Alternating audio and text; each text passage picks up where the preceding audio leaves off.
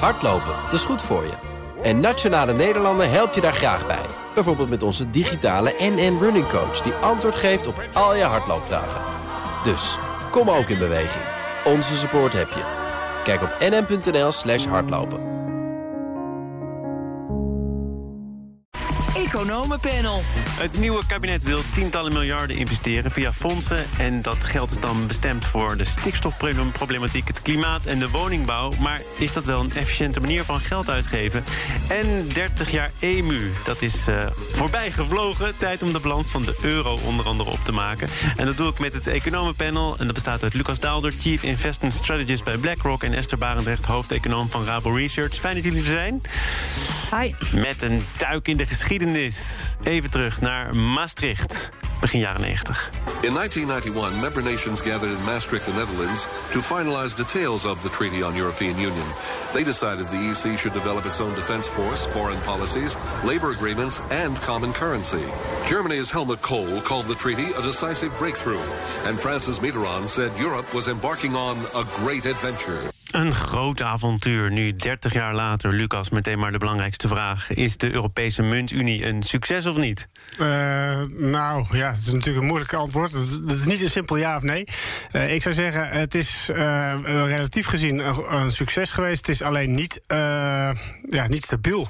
zoals het nu is opgezet, heb ik het gevoel dat we toch aanhikken tegen een systeem wat niet compleet af is. En waarvan ik eigenlijk vermoed heb dat het steeds verder de verkeerde kant op gaat. De divergentie wordt steeds groter binnen het blok.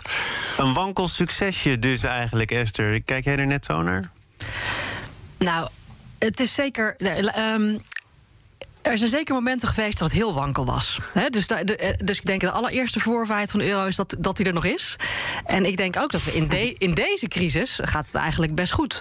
Maar, maar uiteindelijk ben ik het wel eens met Lucas. Van we zijn nog steeds wel afhankelijk van dat politieke leiders op de juiste momenten de juiste dingen doen. En dat, dat wil je niet. Je wil eigenlijk dat het in de basis uh, sterk genoeg is. Een, een, wonder eigenlijk dat de euro er nog is. Wat waren de momenten dat je echt langs de randen van de afgrond aan het scheren was? Griekenland, Cyprus? Ja, zeker. zeker. Ja, in uh, 2010, 2012. Italië om dezelfde tijd. Italië om dezelfde tijd. Ja, we hebben hele spannende momenten gehad. Ja. ja. Iemand die de afgelopen jaren erin ook een hoofdrol speelde is Jeroen Dijsselbloem. En die gaf denk ik een dikke maand geleden een interview in het FD. Die zei: We hebben 30 jaar geleden met het verdrag van Maastricht de euro gecreëerd, maar niet de dingen die eigenlijk bij een monetaire unie horen. Is dat nou nog steeds zo? Ja, op zich wel. Ja, ja want we hebben, we hebben één munt en we hebben één monetair beleid. Maar eigenlijk hebben we nog steeds 19 verschillende economieën onder, uh, onder de euro uh, liggen. Maar er, er, is toch wel wat gedaan aan stabiliteit en afspraken en fondsen. Zeker. Voor als er echt problemen ontstaan. Nee, zeker. Er is heel veel gebeurd. En ik denk ook zeker uh, sinds die vorige crisis. Dus hele belangrijke stappen zijn natuurlijk ja, het, het bankentoezicht wat één is geworden. Um, er is het, het noodfonds hè, voor als landen in de problemen komen. Er is nu het herstelfonds. Dat vind ik eigenlijk ook een hele belangrijke stap. Um, maar we hebben nog steeds verschillende, ja, uh, verschillende economieën, de, tempo's daaronder. Maar dat hou je toch eigenlijk, of niet? Of kun je dat zomaar zonder enige schade op één hoop gooien? Nou, ik denk zeker dat, dat de economie nog meer naar elkaar toe kunnen groeien. En daar kun je als beleidsmaker ook wel dingen aan doen. En dan ben, je, dan ben je ook af van die divergentie, om met een mooi woord dat zo dat, dat vind ik het gevaar. Dus als je de laatste crisis kijkt, uh, we hebben het inderdaad relatief zonder kleerscheuren weten op te vangen. Uh, nieuw fonds gestart, nou, allemaal prima. Maar als je puur kijkt naar de onderliggende cijfers... De, de, landen die al een laag schuld hadden... denk Nederland, Duitsland, Oostenrijk... die hebben hun schuld als percentage van het BBP nauwelijks, nou, nauwelijks ook wel zien stijgen... maar veel minder dan de landen van wie die schuld al veel hoger lag. Dus denk aan Spanje, Italië, daar lag de schuld al boven de 100 procent. Daar is het echt met tientallen procent omhoog gegaan. en zolang je dat dus elke keer ziet... Ja, dan denk ik dat je uiteindelijk op een systeem af, wat, wat niet uh, stabiel is en wat op een gegeven moment echt tot problemen leidt. En wat betekent dat dan dat je niet meer met één en dezelfde maatstaaf moet meten? Want dat is nu zo, hè, 60%, 3%. Moet je dan zeggen, nee, voor de een geldt die 3% als uh, heilige bovengrens en voor de ander is dat juist nog nou, maar dat, het begin? Ik zou daar inderdaad een soort van wat meer creativiteit gehoopt hebben te zien. Maar goed, het probleem is, alle afspraken die je maakt, die zijn ook zo, zo zacht als ze hard zijn.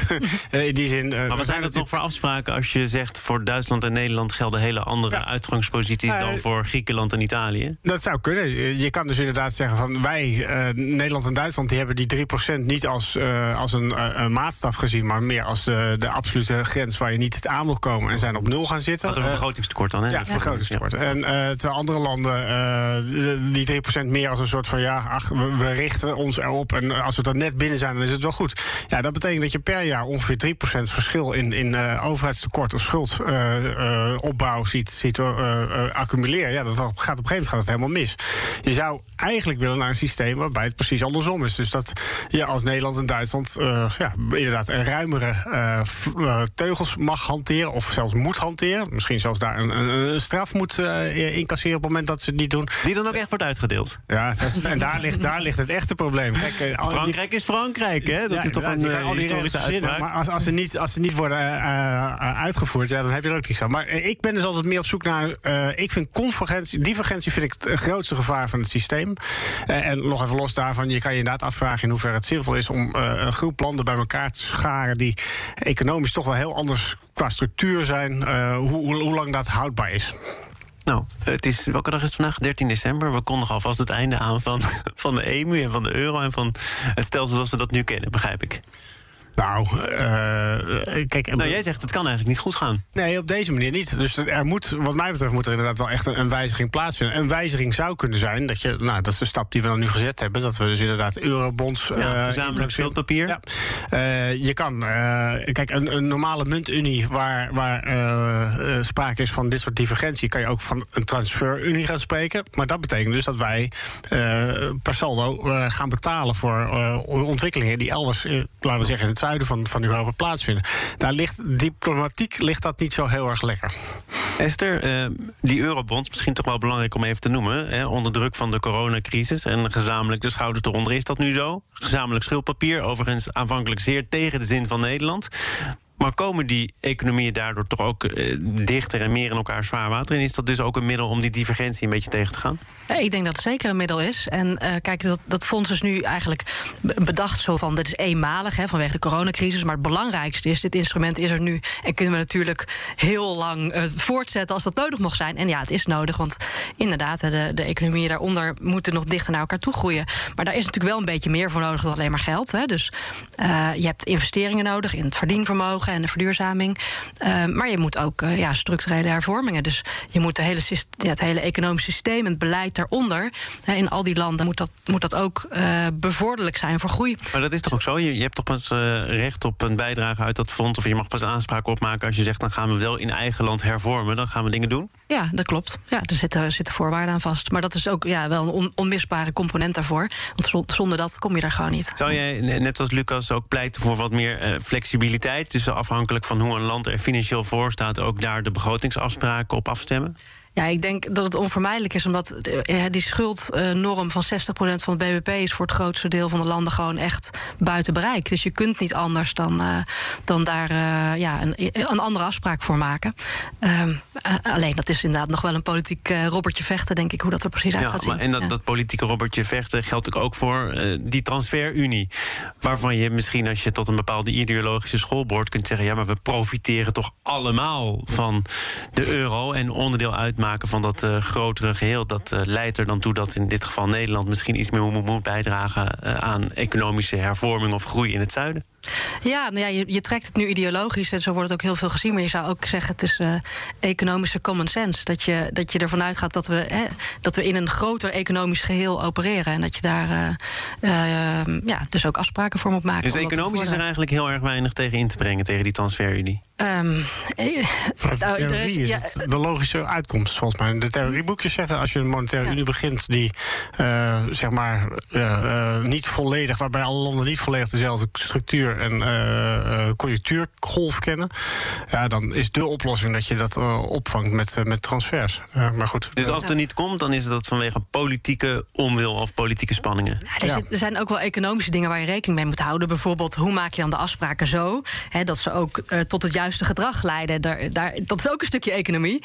Maar ik ben het eens met Lucas, de, de economische logica, die, ja, die is er gewoon rond zo'n monetaire unie.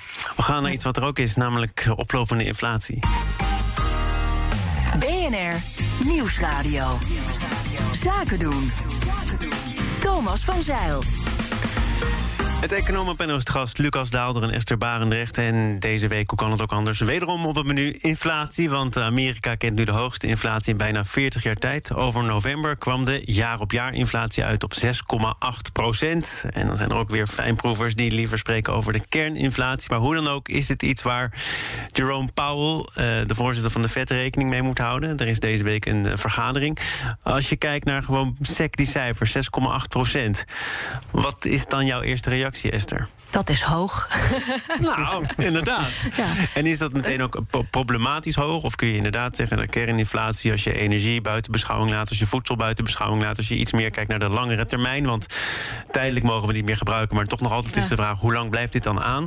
Is het dan nog steeds een, een groot probleem? Nou ja, moet het even de kerninflatie was ook hoog, hè? plus, plus 4,9 procent. En dan nog, hè, als je voedsel en energie buiten beschouwing laat, dat kun je doen hè, om allerlei uh, goede redenen. Maar voor degene die uh, de boodschappen doet en uh, naar zijn werk moet rijden, is het natuurlijk wel een relevant cijfer. Dus ik denk, ja, zeker voor lagere inkomens hakt dit er gewoon heel hard in. Tegelijkertijd is het ook niet onverwacht. Hè. Dus we hadden gewoon gezien de ontwikkeling van de, van de energieprijzen. Het afgelopen jaar was het uh, is het de logische verwachting dat eigenlijk de inflatie uh, dit kwartaal zo'n beetje zou pieken. Dus, uh, dus, dus niet helemaal verrassend, maar wel heel hoog. Ja. Als het niet verrassend is, dan kun je daar ook als vetbestuurder natuurlijk op voor sorteren. En zeker rekening mee houden tijdens je vergadering van deze week. Wat denk je dat daar de uitslag van zal zijn? Wat wordt daar besproken en wat zijn dan de volgende actiepunten? Nou, wat eigenlijk de vet, um, wat een logische eerste stap voor hen is, is dat ze die, um, die aankopen verder afbouwen. Want als ze van die aankopen af zijn, die steunaankopen, dan. Um, dan kunnen ze vervolgens in hun, eh, volgens hun eigen redenering ook de rente verhogen. Dus dat zouden ze dan in het voorjaar, eh, volgend jaar kunnen gaan doen. En dat is dan de eerste keer en dan komt er vrij snel daarna nog weer een tweede keer, of niet? Ja, wij denken uh, later in het jaar, misschien meer tegen het einde van het jaar. En dan is natuurlijk alles heel erg afhankelijk van wat, uh, wat COVID ook nog gaat doen met de economie. Hè. Dus dat voorbehoud moeten we denk ik bij alles uh, op dit moment houden. Maar ja, dat zou. wat denk jij dat we gaan meemaken met de Fed? Ja. Het verdere verloop van deze week? nou, deze week ja, uitspraken over versneld afbouwen van het opkoopprogramma, inderdaad. En de renteverhogingen ergens in het begin of ergens in het midden van volgend jaar. over het algemeen denk denk ik eigenlijk dat de Fed. Want we kijken nu natuurlijk heel erg naar die inflatie. En dat is ook iets wat natuurlijk heel erg uh, opvallend is. Uh, de Federal Reserve heeft in 2019 uh, eh, haar beleid aangepast, de beleidsdoelen herformuleerd. En heeft daar enerzijds die inflatiedoelstelling wat hoger neergezet. Hè, dus een gemiddelde inflatie van 2%, anders dan een inflatie van 2%. Maar daarnaast ook heel duidelijk werkloosheid en werkgelegenheid, of de arbeidsmarkt, op een hoger niveau getild. dus wat meer op een equal footing neergezet eh, ten opzichte van inflatie.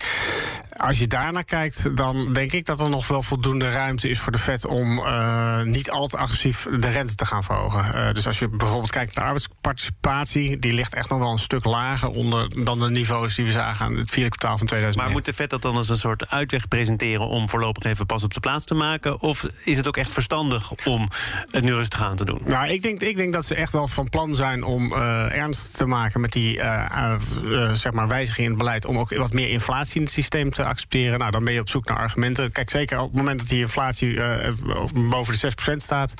Uh, en uh, het ook politiek een, een issue begint te worden. Want dat zie je nu, dat de Democraten steeds meer onder druk komen. En, of Powell zelfs oproepen, nou, sorry, oproepen om, de, om er iets aan te gaan doen. Ja, dan ben je op zoek naar argumenten. En dan is dit een van de argumenten die je kan gebruiken. Even naar de Nederlandse situatie. Want ook in Nederland kunnen we erover meepraten. Maar ik kwam een, een interessant statistiekje tegen van de hoofdeconoom van het CBS, Peter Hein van Mulligen. Eh, die heeft niet alleen gekeken naar de afgelopen maanden, maar die presenteert de inflatie dan op jaarbasis. En die zegt, nee, dan kom je uit op 2,4 eh, procent. En dat is eigenlijk eh, keurig. Dat is wat meer dan we de afgelopen periode zijn gewend. Maar ach, het is niet per se redenen om uh, nou heel erg in paniek te schieten. Ja, ik kwam dit standpunt in de media niet zo heel veel tegen. En ook niet onder economen, want inflatie is toch een groot probleem. We moeten proberen te beteugelen. Maar dit zijn dan toch eigenlijk weer cijfers die tot nou ja, enige geruststelling moeten leiden? Of, of is dit nou toch weer een slimmige manier om, om het anders te presenteren? Nou ja, ik denk dat we ook nog een beetje vooruit moeten kijken. Dus we, we, zijn waarschijnlijk nog niet helemaal aan het eind van die hoge inflatiecijfers. Dus ik denk dat we dit jaar inderdaad zo rond de 2,5% uitkomen. Maar volgend jaar uh, misschien wel dichter naar de 4%. Dus dat is best een stevige inflatie. Dat, dat, daar, dat gaan mensen gewoon merken in hun koopkracht. Tegelijkertijd ben ik het wel eens als je dat over de langere termijn kijkt. Hè, uh, even de, vanuitgaand dat het inderdaad uh, in, de, in de tweede helft van het komend jaar, zoals wij verwachten, ook alweer af gaat nemen. Ja, dan is even wat hogere inflatie, hè, gezien in juist periodes van veel uh, vaak lagere inflatie, misschien ook geen uh, hele grote ramp. Zoals hij er naar kijkt, verlegt hij het probleem van inflatie eigenlijk naar volgend jaar. Uh, dus het is een statistische handigheid. Je, je, kijkt niet naar het jaar-op-jaar effect, maar je kijkt naar het jaar 2020. We vergelijken dat met 2021. Er zit een heel groot overloopeffect in. statistische zeg maar, opbouw die je al hebt, die je eigenlijk meeneemt naar het volgend jaar. Dus dat is inderdaad een keurig beeld wat geschetst wordt. Dit jaar dan 2,5, valt nog wel mee. Maar ja, ook als er volgend jaar niks, niks spannends gebeurt, dan zit je toch al snel bij een veel hoger percentage. En je noemt het statistisch slim. Ja, het is, ja, het is, het is, het is, uh, het is correct. Dus het is niet dat het, uh, het is niet how to lie with statistics. Ja, het is een volledig correcte manier van weergeven. Maar het is wel, er zit wel een handigheidje in. Ja. Naar andere handigheidjes van het nieuwe kabinet. Toch niet onbelangrijk, want vermoedelijk komt er dan deze week een regeerakkoord met een ruimbaan voor allerlei fondsen. Lucas, ik kwam een column van jou tegen in het FD over het feit dat de overheid steeds meer geld uitgeeft met de titel De Pendule. De pendule slaat nu weer de andere kant uit. Ja. We moeten ja. weer rekenen op de overheid? Of willen dat ook weer? Nou, nee, de, de, dat mag. Dus iedereen. dus van mij mag dit altijd. De pendule mag ook de andere kant op slaan. Maar uh, je weet gewoon zeker dat het altijd doorschiet één kant op. En uh, op een of andere manier lijkt nu de overheid uh, het, het, heilige oplossing voor alle problemen. Dus waar, waar dat, laten we zeggen, een jaar vijf geleden de ECB was die alle problemen ging oplossen. Hebben we nu opeens met z'n allen besloten van nou, nu kan de overheid A, makkelijk geld lenen, gratis zelfs. en zijn op een of andere manier ook in staat om, om om met die lening ook fantastische dingen te doen. Nou, dat kan. Uh, dat tweede betwist jij, of Nou niet? ja, ik heb zo ook mijn twijfels, ja. In die zin, zeker op het moment dat je met, met, met hele grote bedragen heel veel gaat investeren, uh, is de kans heel groot dat daar ook een, een, heel groot aantal projecten toch niet zo heel erg rendabel zullen blijken te zijn. En dat is, dat is de pendule. We zijn nu opeens allemaal op het punt van goh, gratis geld, de overheid kan niet kapot. Ja, pas op, dit is een soort opmaat voor ja, problemen. de rapporten die, waarvan je over een jaar of vijf voelt dat ze eraan zitten. En dan heb jij in ieder geval gewaarschuwd. Heb ik gewaarschuwd, ja. Esther, is er wel wat voor te zeggen? Want dat eerste element uit het antwoord van Lucas... dat blijft natuurlijk zo. De overheid kan gratis lenen. Er zijn grote problemen. Doe het nu. Ja, nee, er zijn zeker grote problemen. Dus ik vind dat zo'n fonds heeft ook een soort van signaalwerking. Dus je geeft ermee aan, we vinden dit heel urgent. Nou, en ik denk, uh, hè, als je het hebt over klimaat en woningbouw en dat soort dingen, is dat ook zeker uh, gerechtvaardigd. Maar het moet er wel ook uh, doelmatig besteed worden. En uh, ja, dat is een stuk ingewikkelder dan het geld opzij zetten. Nou, Matthijs Bouwman die ging in zijn kleinere column van het FD vandaag nog weer een stuk verder. Die had het inderdaad over die signaalwaarde. Dit geeft aan wat we belangrijk vinden. Maar hou die fondsen leeg. Ja, ja. Want uiteindelijk moet je er ook wat mee op de balans. Nou, dat is misschien toch nog wel iets om, om serieus over na te denken. Want het gaat over hele grote bedragen. Zeker. Dat, hoe, hoe, hoe, doe je dat eigenlijk nou, netjes? niets dus. dus dat is inderdaad het punt van nee, Matthijs. Ja, ja, maar we zijn hier natuurlijk nu met elkaar en vooral jullie... Ja. Om, om dat dan nee, toch nog nou, enigszins op te lossen. Uh, het probleem wat je schetst is heel correct. Je, je kan uh, obligaties uitgeven, dan heb je dat geld. Maar ja, je gaat het niet besteden. Dus wat moet je met het geld? Nou, er is geen bank in, in Nederland die dat geld wil aannemen. Want uh, dat, dat, drukt hun balans weer. En dat moeten ze dus kosten in rekening brengen. Dus of je daar per saldo vrolijk van wordt... dat je dat dus al uit de markt hebt gehaald, kun je sterk afvragen. Je kan als overheid kan je vervolgens ook zeggen... Van, nou, weet je wat, dan koop ik tussentijds mijn eigen obligaties in. Maar goed, dat is heel vreemd. Ja, maar als, als het economenpanel er hierover nadenkt, ja. hebben zij dat er ook wel gedaan. ik denk ik. ook heel eerlijk gezegd niet dat dat dus gebeurt. Dat het geld in één keer uit. Voor, voor maar zo wordt het wel gepresenteerd. Het wordt wel gedaan alsof er een fonds. Uh, ja, alsof, er, alsof nou. we kunnen nu gratis lenen, dus nu moeten we bepaalde fondsen. Maar goed, dus dat is, dat is de strekking van nee, de column ja, van, van Matthijs. Het is vooral volgens mij hè, dat, je, dat je zegt van we gaan deze bedragen ervoor reserveren. Dat is wat anders dan het op hetzelfde moment ook uit de markt trekken. Maar als je het nu dan niet uit de markt trekt, dan valt je voordeel misschien weg. Want misschien dat als je het over een paar jaar doet, dat geld toch weer wat duurder is. Ja, nou, dat zou kunnen. Maar dan gaat het hele idee van dat fonds toch ook een beetje ten onder. Ja, en dat, is, dus- dat, is dus nee, nou, van het dat is natuurlijk niet helemaal. Kijk, we hebben meer begrotingsfondsen, hè, ook in tijden dat de rente wat hoger is. We hebben al heel lang hebben we een gemeentefonds en we hebben een eh, infrastructuurfonds, wat tegenwoordig mobiliteitsfonds heet. En eh, we hebben een fonds voor defensiematerieel. Dus kijk, eh, wanneer, wanneer richt je een fonds op als je eigenlijk als je geld apart wil zetten voor de lange termijn en voor een specifiek doel? Eh, en dat specifieke doel is wel echt heel. Hè, dus ook heel belangrijk. Ik denk dat je dat kunt hard, eh, hard maken. Dat je dat eh, ermee ook gaat bereiken. Maar is dit nou ook gepresenteerd als een incidentele grote uitgave? Want daarover kun je dan ook nog weer politiek bedrijven. Namelijk, het zijn misschien wel incidentele uitgaven. Dus je zet ze niet op die manier op de begroting. Maar je bent er wel structureel geld aan kwijt. Want die fondsen hebben een looptijd van misschien wel 10, 20 jaar. Dus dan zijn er toch geen incidentele uitgaven meer? Dat is dan toch tamelijk structureel? Ehm, ja, ehm, maar ik denk een van de kenmerken is vaak van je, je gaat, ehm, je geeft, eh, je investeert en de baten die spreiden zich over heel veel eh, tijd uit. Dus dat zou een reden kunnen zijn om het zo te doen. Ehm, en ik, maar ik denk het belangrijkste er vooral van is inderdaad dat je, dat je nu besluit eh, en goedkeurt dat je voor langere termijn, over kabinetsperiodes heen, eh, geld opzij gaat zetten. En dat is overigens dat is een voordeel, want je, want, je, want je haalt het inderdaad uit de begrotingshectiek van elk jaar. Maar het is ook wel een nadeel, omdat je dus eigenlijk de democratische ehm, ja, eh, validering die je normaliter voor uitgaven elk jaar hebt, die zet je eigenlijk een beetje buitenspel. Ja, in principe is dit wel een soort vorm van conferentie. Hè? in die zin, eh, als je het moet optellen bij je staatsschuld, dan eh, kan je zeggen: van, nou, ik heb nu eh, als enige land zo'n beetje in Europa 60% als percentage van de BBP staatsschuld. Als ik nou vijf van die fondsen of vier van die fondsen verzin en ik plus zo 10% van mijn staatsschuld erbij, kom je toch wat dichter bij het 100% gemiddelde van de rest. Van de, Nou ja, maar dat is wel wat je zegt, klopt denk ik wel. Ik las een, een artikel van Marieke Stellinga, econoom, politiek verslaggever van NRC. Dit is, dit is, zei zij, hoe een zuiniger toch nog geld uitgeeft. Ja. Maar doet het kabinet zich hier dan ook niet veel zuiniger voor, op papier althans, dan het is? Want die fondsen, die Weet ik niet. Kijk, eh, op zich eh, denk ik eh, dat dit wel een goede. Wat dat, het zou een goede stap kunnen zijn. Mijn, zor- bij mij ligt de zorg vooral van op het moment dat je ergens een pot geld neerzet, dan komen er vanzelf mensen die fantastische projecten hebben. Maar of die projecten nou echt zo rendabel zijn of zo het doel bereiken wat ze, wat ze willen bereiken, daar kan je gewoon je vraag bij stellen. Wa- Wat zie jij hier eh, tenslotte in? Zijn die fondsen een goede zet dus als belangrijk signaal? Of is het economisch toch ook wel iets waar je uiteindelijk een prijs voor betaalt? En misschien ook wel democratisch ingewikkeld... omdat je al ver over je eigen graf heen gaat regeren? Ja, en nogmaals, ik denk het signaal is heel belangrijk. Ehm, als je het hebt over bijvoorbeeld iets als voor de woningmarkt, dat is een van de doelen waar het voor wordt eh, benoemd. Dan zijn er denk ik in de uitvoering echt wel heel lastige problemen. Zoals eh, wie gaat al die huizen bouwen en hebben we er materiaal voor?